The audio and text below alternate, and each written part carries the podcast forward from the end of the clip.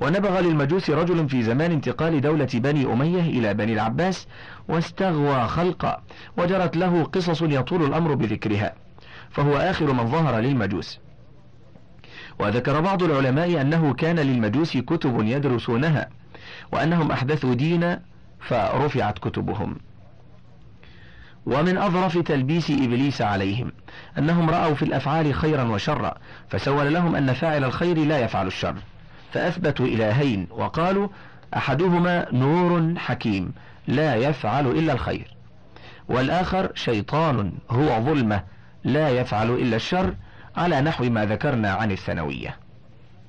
قال المصنف وقد, وقد سبق ذكر شبههم وجوابها وقال بعضهم الباري قديم فلا يكون منه إلا الخير والشيطان محدث فلا يكون منه إلا الشر فيقال لهم إذا أقررتم أن النور خلق الشيطان فقد خلق رأس الشر. وزعم بعضهم أن الخالق هو النور. ففكر فكرة رديئة فقال أخاف أن يحدث في ملكي ما يضادني. وكانت فكرته رديئة فحدث منها إبليس. فرضي إبليس أن ينسب إلى الرداءة بعد إثبات أنه شريك. وحكى النوبختي أن بعضهم قال إن الخالق شك في شيء فكان الشيطان من ذلك الشك. قال وزعم بعضهم أن الإله والشيطان جسمان قديمان كان بينهما فضاء وكانت الدنيا سليمة من آفة والشيطان بمعزل عنها فاحتال إبليس حتى خرق السماء بجنوده. فهرب الرب عز وجل من فعلتهم وتقدس عن قولهم فأتبعه إبليس حتى حاصره وحاربه ثلاثة آلاف سنة. لا هو يصل إليه ولا الرب عز وجل يدفعه. ثم يصالحه على أن يكون إبليس وجنوده في الدنيا سبعة آلاف سنة. ورأى الرب أن الصلاح في احتمال مكروه إبليس إلى أن ينقضي الشرط. فالناس في بلايا إلى انقضائه ثم يعودون إلى النعيم. وشرط إبليس عليه أن يمكنه من أشياء رديئة فوضعها في هذا العالم. وأنهما لما فرغا من شرطهما أشهدا عدلين ودفعا سيفيهما إلى العدلين وقالا من نكث فاقتلاه. في هذيانات كثيرة يضيع الوقت لذكرها فتنكبناها لذلك ونذكر ما انتهى تلبيس إبليس إليه ما آثرنا ذكر شيء من هذا التخليط والعجب. والعجب أنهم يجعلون الخالق خيرا ثم يجعلون أنه حدثت منه فكرة رديئة فعلى قولهم يجوز أن تحدث من فكرة من فكرة إبليس ثم يقال لهم أيجوز أن يفي الشيطان بما ضمن؟ فإن قالوا لا قيل لهم فلا يليق بالحكمة استبقاؤه. وإن قالوا نعم فقد أقروا بوجود الوفاء المحمود من الشرير. وكيف أطاع الشيطان العدلين؟ وقد عصى ربه. وكيف يجوز الافتئات على الله؟ وهذه الخرافات لولا التفرج فيما صنعه إبليس بالعقول ما كان لذكرها فائدة ولا معنى. ذكر تلبيس إبليس على المنجمين وأصحاب الفلك. حاشية زعم قوم أن الفلك والنجوم تعقل وأنها ترى وتسمع ولا تذوق ولا تشم وتلك دعوة باطلة. وهناك دعوة أخرى تضادها وتعارضها لأن حركة النجوم والفلك على رتبة واحدة لا تتبدل. وتلك صفة الجماد الذي لا اختيار له. وقال بعضهم الكواكب تعقل. بل هي أولى منا لأنها تدبرنا. وهذا باطل لأن تدبيرها دليل على عظمة الله وقدرته. انتهت الحاشية. ذكر تلبيس إبليس على المنجمين وأصحاب الفلك. قال أبو محمد النوبختي ذهب قوم إلى أن الفلك قديم لا صانع له. وحكى جالينوس عن قوم أنهم قالوا زحل وحده زحل وحده قديم. وزعم قوم أن الفلك طبيعة خالصة ليست فيها حرارة ولا برودة ولا رطوبة ولا يبوسة وليس بخفيف ولا ثقيل. وكان بعضهم يرى أن الفلك جوهر ناري وأنه اختطف من الأرض بقوة دورانه. وقال بعضهم الكواكب من جسم تشابه الحجارة. وقال بعضهم هي من غيم تطفأ كل يوم وتستنير بالليل مثل الفحم يشتعل وينطفئ. وقال بعضهم جسم القمر مركب من نار وهواء. وقال آخرون الفلك من الماء والريح والنار وأنه بمنزلة الكرة وأنه يتحرك بحركتين من المشرق إلى المغرب ومن المغرب إلى المشرق. قالوا وزحل يدور الفلك في نحو من ثلاثين سنة. والمشترى والمشتري في نحو من اثنتي عشرة سنة والمريخ في نحو من سنتين والشمس والزهرة وعطارد في سنة والقمر في ثلاثين يوما. وقال بعضهم أفلاك الكواكب سبعة فالذي يلينا فلك القمر ثم فلك عطارد ثم فلك الزهرة ثم فلك الشمس ثم فلك المشتري ثم فلك زحل ثم فلك الكواكب الثابتة.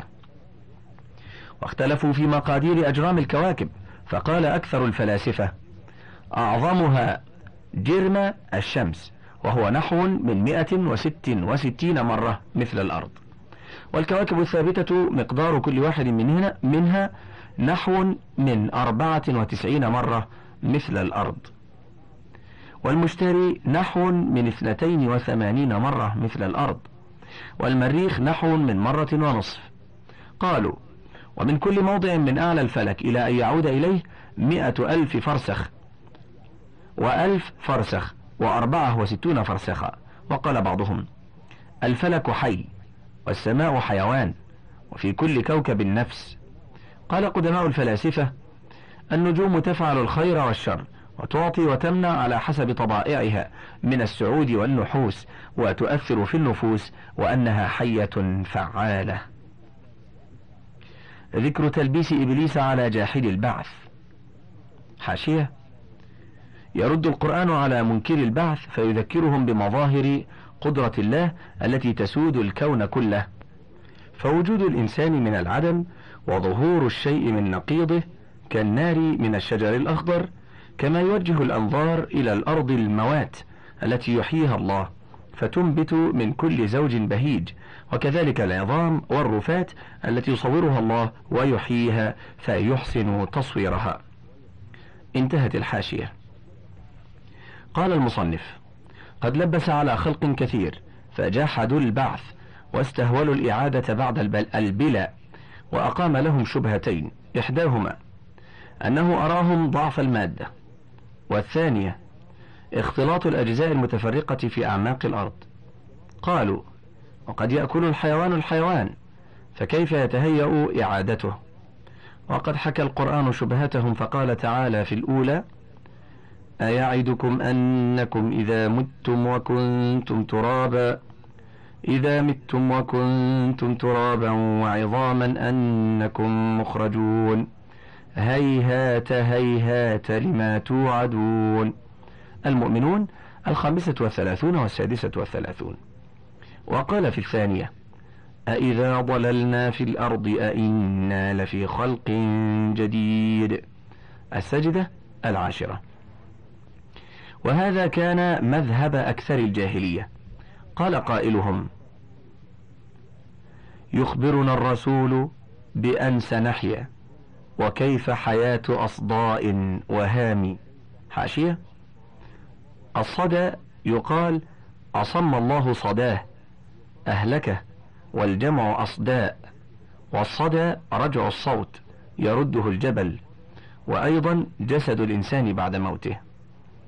هام خرج على وجهه في الأرض لا يدري أين يتوجه وهام في الأمر تحير واضطرب وذهب كل مذهب. وهام بفلانة شغف حبا بها فهو هائم. انتهت الحاشية. وقال آخر هو أبو العلاء المعري حياة ثم موت ثم بعث حديث خرافة يا أم عمري. والجواب عن شبهتهم الأولى أن ضعف المادة في الثاني وهو التراب يدفعه كون البداية من نطفة ومضغة وعلقة. ثم أصل الآدميين وهو آدم من تراب. على أن الله سبحانه وتعالى لم يخلق شيئا مستحسنا إلا من مادة سخيفة. فإنه أخرج هذا الآدمي من نطفة والطاووس من البيضة المدرة. حاشية. المدرة الطين اللزج المتماسك. انتهت الحاشية. والطرفة الخضراء من الحبة العفنة فالنظر ينبغي أن يكون إلى قوة الفاعل وقدرته لا إلى ضعف المواد. وبالنظر إلى قدرته يحصل جواب الشبهة الثانية.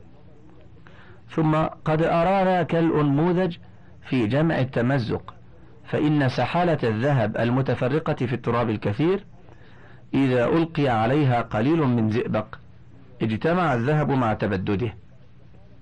حاشية السحالة ما سقط من الذهب والفضة. انتهت الحاشية. فكيف بالقدرة الإلهية التي من تأثيرها خلق كل شيء؟ لا من شيء. على أن لو قدرنا أن نحيل هذا التراب ما استحالت إليه الأبدان لم يصر بنفسه لأن الآدمي بنفسه لا ببدنه فإنه ينحل ويسمن ويهزل ويتغير من صغر إلى كبر وهو هو. ومن أعجب الأدلة على البعث أن الله عز وجل قد أظهر على يدي أنبيائه ما هو أعظم من البعث وهو قلب العصا حية حيوانا وأخرج ناقة من صخرة وأظهر حقيقة البعث على يدي عيسى صلوات الله وسلامه عليه. قال المصنف وقد زدنا هذا شرحا في الرد على الفلاسفة. فصل. وقد لبس إبليس على أقوام شاهدوا قدرة الخالق سبحانه وتعالى ثم اعترضت لهم الشبهتان اللتان ذكرناهما فترددوا في البعث فقال قائلهم ولئن رددت إلى ربي لأجدن خيرا منها منقلبا. الكهف السادسة والثلاثون. وقال العاص بن وائل لأوتين مالا وولدا. مريم السابعة والسبعون. وإنما قالوا هذا لموضع شكهم. وقد لبس إبليس عليهم في ذلك فقالوا إن كان بعث فنحن على خير. لأن من أنعم علينا في الدنيا بالمال لا يمنعناه في الآخرة. قال المصنف وهذا غلط منهم لأنه لما لا يجوز أن يكون الإعطاء استدراجا أو عقوبة والإنسان قد يحمي ولده ويطلق في الشهوات عبده. ذكر تلبيسه على القائلين بالتناسخ. حاشية؟ تناسخ الأرواح. افترق القائلون به إلى فرقتين. الأولى تقول الأرواح تنتقل إلى أجساد أخرى وإن لم تكن من نوع الأجساد التي فارقتها. وهذا قول أحمد بن حابط وأحمد بن نانوس وأبي مسلم الخراساني والطبيب الرازي الذي قال إن جواز ذبح الحيوان من أجل تخليص الأرواح عن الأجساد المتصورة بالصور البهيمية. وتلك دعاوى وخرافات بلا دليل بعيدة عن الدين. والفرقة الثانية منعت انتقال الأرواح إلى غير أجسادها وهؤلاء دهريون لا يؤمنون بالشرائع. والحقيقة أنه لم يأتي أحد من الأنبياء يقول بتناسخ الأرواح فقولهم باطل وكذب. الفصل في الملل والأهواء والنحل لابن حزم. الجزء الأول الصفحة السادسة والسبعون إلى الثامنة والسبعين وانتهت الحاشية. قال المصنف وقد لبس إبليس على أقوام فقالوا بالتناسخ وإن أرواح أهل الخير إذا خرجت دخلت في أبدان خيرة فاستراحت وأرواح أهل الشر إذا خرجت تدخل في أبدان شريرة فيتحمل عليها المشاق. وهذا المذهب ظهر في زمان فرعون موسى. وذكر أبو القاسم البلخي أن أرباب التناسخ لما رأوا ألم الأطفال والسباع والبهائم استحال عندهم أن يكون ألمها يمتحن به غيرها أو ليتعوض أولا لمعنى أكثر من أنها مملوكة. فصح, عنده فصح عندهم أن ذلك لذنوب سلفت منها قبل تلك الحال. وذكر يحيى بن بشر ابن عمير أن هاوندي أن الهند يقولون الطبائع أربع. هيولى مركبة ونفس وعقل وهيولى مرسلة. فالمركبة هي الرب الأصغر والنفس هي الهيولى الأصغر والعقل الرب الأكبر والهيولى هو أيضا أكبر. وأن الأنفس إذا فارقت الدنيا صارت إلى الرب الأصغر وهو الهيولى المركبة. فإن كانت محسنة صافية قبلها في طبعه فصفاها حتى يخرجها إلى الهيول الأصغر وهو النفس حتى تصير إلى الرب الأكبر فيتخلصه إلى الهيول المركب الأكبر. فإن كان محسنا تام الإحسان أقام عنده في العالم البسيط. وإن كان محسنا غير تام أعاده إلى الرب الأكبر ثم يعيده الرب الأكبر إلى الهيول الأصغر ثم يعيده الهيول الأصغر إلى الرب الأصغر.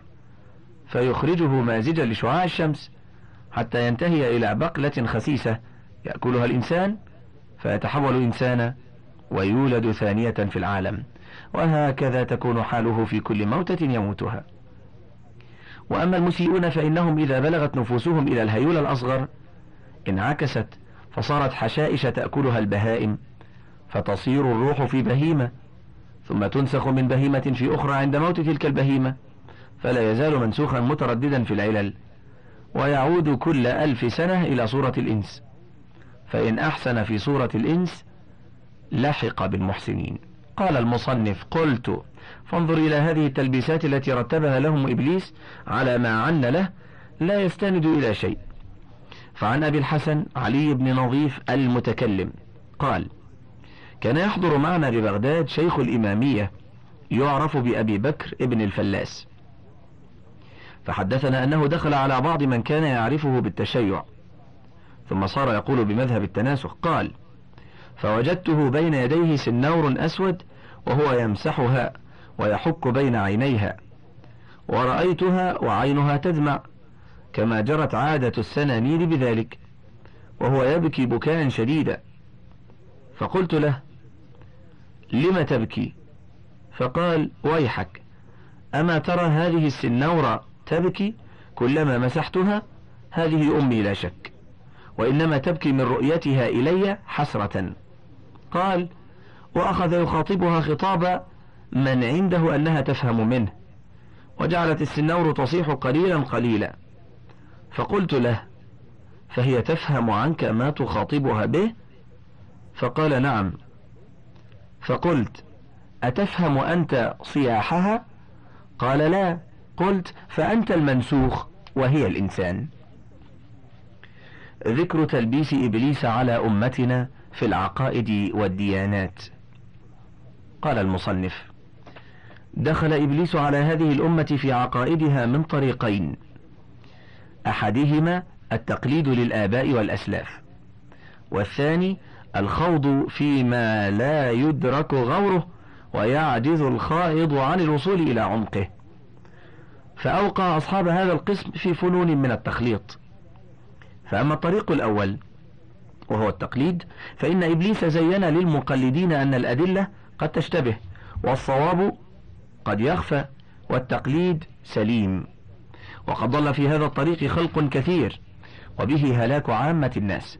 فإن اليهود والنصارى قلدوا آباءهم وعلماءهم فضلوا وكذلك أهل الجاهلية. واعلم أن العلة التي بها مدح التقليد بها يذم. لأنه إذا كانت الأدلة تشتبه والصواب يخفى وجب هجر التقليد لئلا يوقع في ضلال. وقد ذم الله سبحانه وتعالى الواقفين مع تقليد آبائهم وأسلافهم فقال عز وجل بل قالوا إنا وجدنا آباءنا على أمة وإنا على آثارهم مهتدون. وكذلك ما أرسلنا من قبلك في قرية من نذير إلا إلا قال مترفوها إنا وجدنا آباءنا إنا وجدنا آباءنا على أمة وإنا على آثارهم مقتدون. قال أولو جئتكم بأهدى مما وجدتم عليه آباءكم الزخرف من الثانية والعشرين إلى الرابعة والعشرين. المعنى أتتبعونهم؟ وقد قال عز وجل إنهم ألفوا آباءهم ضالين فهم على آثارهم فهم على آثارهم يهرعون. الصافات التاسعة والستون والسبعون. قال المصنف اعلم أن المقلد على غير ثقة فيما قلد فيه وفي التقليد إبطال منفعة العقل لأنه إنما خلق للتأمل والتدبر وقبيح بمن أعطي شمعة يستضيء بها أن يطفئها ويمشي في الظلمة. واعلم أن عموم أصحاب المذاهب يعظم في قلوبهم الشخص فيتبعون قوله من غير تدبر بما قال. وهذا عين الضلال لأن النظر ينبغي أن يكون إلى القول لا إلى القائل. كما قال علي رضي الله عنه للحارث بن حوط وقد قال له أتظن أن نظن أن طلحة والزبير كان على باطل؟ فقال له يا حارث إنه ملبوس عليك. إن الحق لا يعرف بالرجال. اعرف الحق تعرف أهله. وكان أحمد بن حنبل يقول من ضيق علم الرجل أن يقلد في اعتقاده رجلا. ولهذا أخذ أحمد بن حنبل يقول زيد في الجد. وترك قول أبي بكر الصديق رضي الله عنه. فإن قال قائل فالعوام لا يعرفون الدليل فكيف لا يقلدون؟ فالجواب إن دليل الاعتقاد ظاهر على ما أشرنا إليه في ذكر الدهرية ومثل ذلك لا يخفى على عاقل. وأما الفروع فإنها لما كثرت حوادثها واعتاص على العامية عرفانها حاشية اعتاص أي اشتد انتهى. وقرب لها أمر الخطأ فيها كان أصلح ما يفعله العامي التقليد فيها لمن قد سبر ونظر. حاشية. سبره أي حذره وخبره. يقال سبر فلان خبره ليعرف ما عنده. انتهت الحاشية. إلا أن اجتهاد العامي في اختيار من يقلده. قال المصنف وأما الطريق الثاني فإن إبليس لما تمكن من الأغبياء فورطهم في التقليد وساقهم سوق البهائم. ثم رأى خلقا فيهم نوع ذكاء وفطنة فاستغواهم على قدر تمكنه منهم. فمنهم من قبح عنده الجمود على التقليد وأمره بالنظر. ثم استغوى كلا من هؤلاء بفن. فمنهم من أراه أن الوقوف مع ظواهر الشرائع عاجز. فساقهم إلى مذهب الفلاسفة. ولم يزل بهؤلاء حتى أخرجهم عن الإسلام وقد سبق ذكرهم في الرد على الفلاسفة. ومن هؤلاء من حسن له أن لا يعتقد إلا ما أدركته حواسه. فيقال لهؤلاء بالحواس علمتم صحة قولكم؟ فإن قالوا نعم كابروا لأن حواسنا لم تدرك ما قالوا. إذ ما يدرك بالحواس لا يقع فيه خلاف. وإن قالوا بغير الحواس نقضوا قولهم. ومنهم من نفره إبليس عن التقليد وحسن له الخوض في علم الكلام والنظر في أوضاع الفلاسفة ليخرج بزعمه عن غمار العوام. وقد تنوعت أحوال المتكلمين وأفضى الكلام بأكثرهم إلى الشكوك وببعضهم إلى الإلحاد. ولم تسكت القدماء من فقهاء هذه الأمة عن الكلام عجزا ولكنهم رأوا أنه لا يشفي غليلا. ثم يرد صحيح عليلا فأمسكوا عنه ونهوا عن الخوض فيه. حتى قال الشافعي رضي الله عنه لأن يبتلى العبد بكل ما نهى الله عنه ما عدا الشرك خير له من أن ينظر في الكلام. قال وإذا سمعت الرجل يقول الاسم هو المسمى أو غير المسمى فاشهد أنه من أهل الكلام ولا دين له. قال وحكمي في علماء الكلام أن يضربوا بالجريد ويطاف بهم في العشائر والقبائل ويقال هذا جزاء من ترك الكتاب والسنة وأخذ في الكلام. حاشية علم الكلام علم باحث عن الأعراض الذاتية للموجود من حيث هو على قاعدة الإسلام. انظر التعريفات للجرجاني في الصفحة السادسة والخمسين والمئة وانتهت الحاشية. وقال أحمد بن حنبل لا يفلح صاحب كلام أبدا علماء الكلام زنادقة. قال المصنف قلت وكيف لا يذم الكلام؟ وقد أفضى بالمعتزلة إلى أنهم قالوا إن الله عز وجل يعلم جمل الأشياء ولا يعلم تفاصيلها. حاشية. لمزيد من التفاصيل عن المعتزلة وفرقها وآرائها انظر الفرق بين الفرق للبغدادي في الصفحة الرابعة بعد المئة وما بعدها. تحقيق الأستاذ محمد الخشت إصدار مكتبة القرآن انتهت الحاشية. وقال جهم بن صفوان علم الله وقدرته وحياته محدثة. حاشية. جهم بن صفوان أبو محرز نشأ في سمرقند وقضى وقتا في ترمذ ومنها رحل إلى الكوفة حيث التقى بالجعد بن درهم وانتقل أخيرا إلى بلخ ثم عاد إلى ترمذ وظل بها إلى أن حارب ضد الأمويين وقتل سنة 28 ومائة.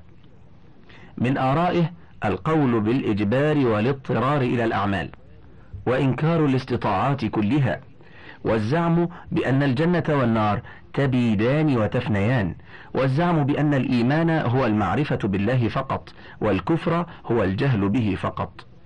الفرق بين الفرق. الصفحة السادسة والثمانون والمئة.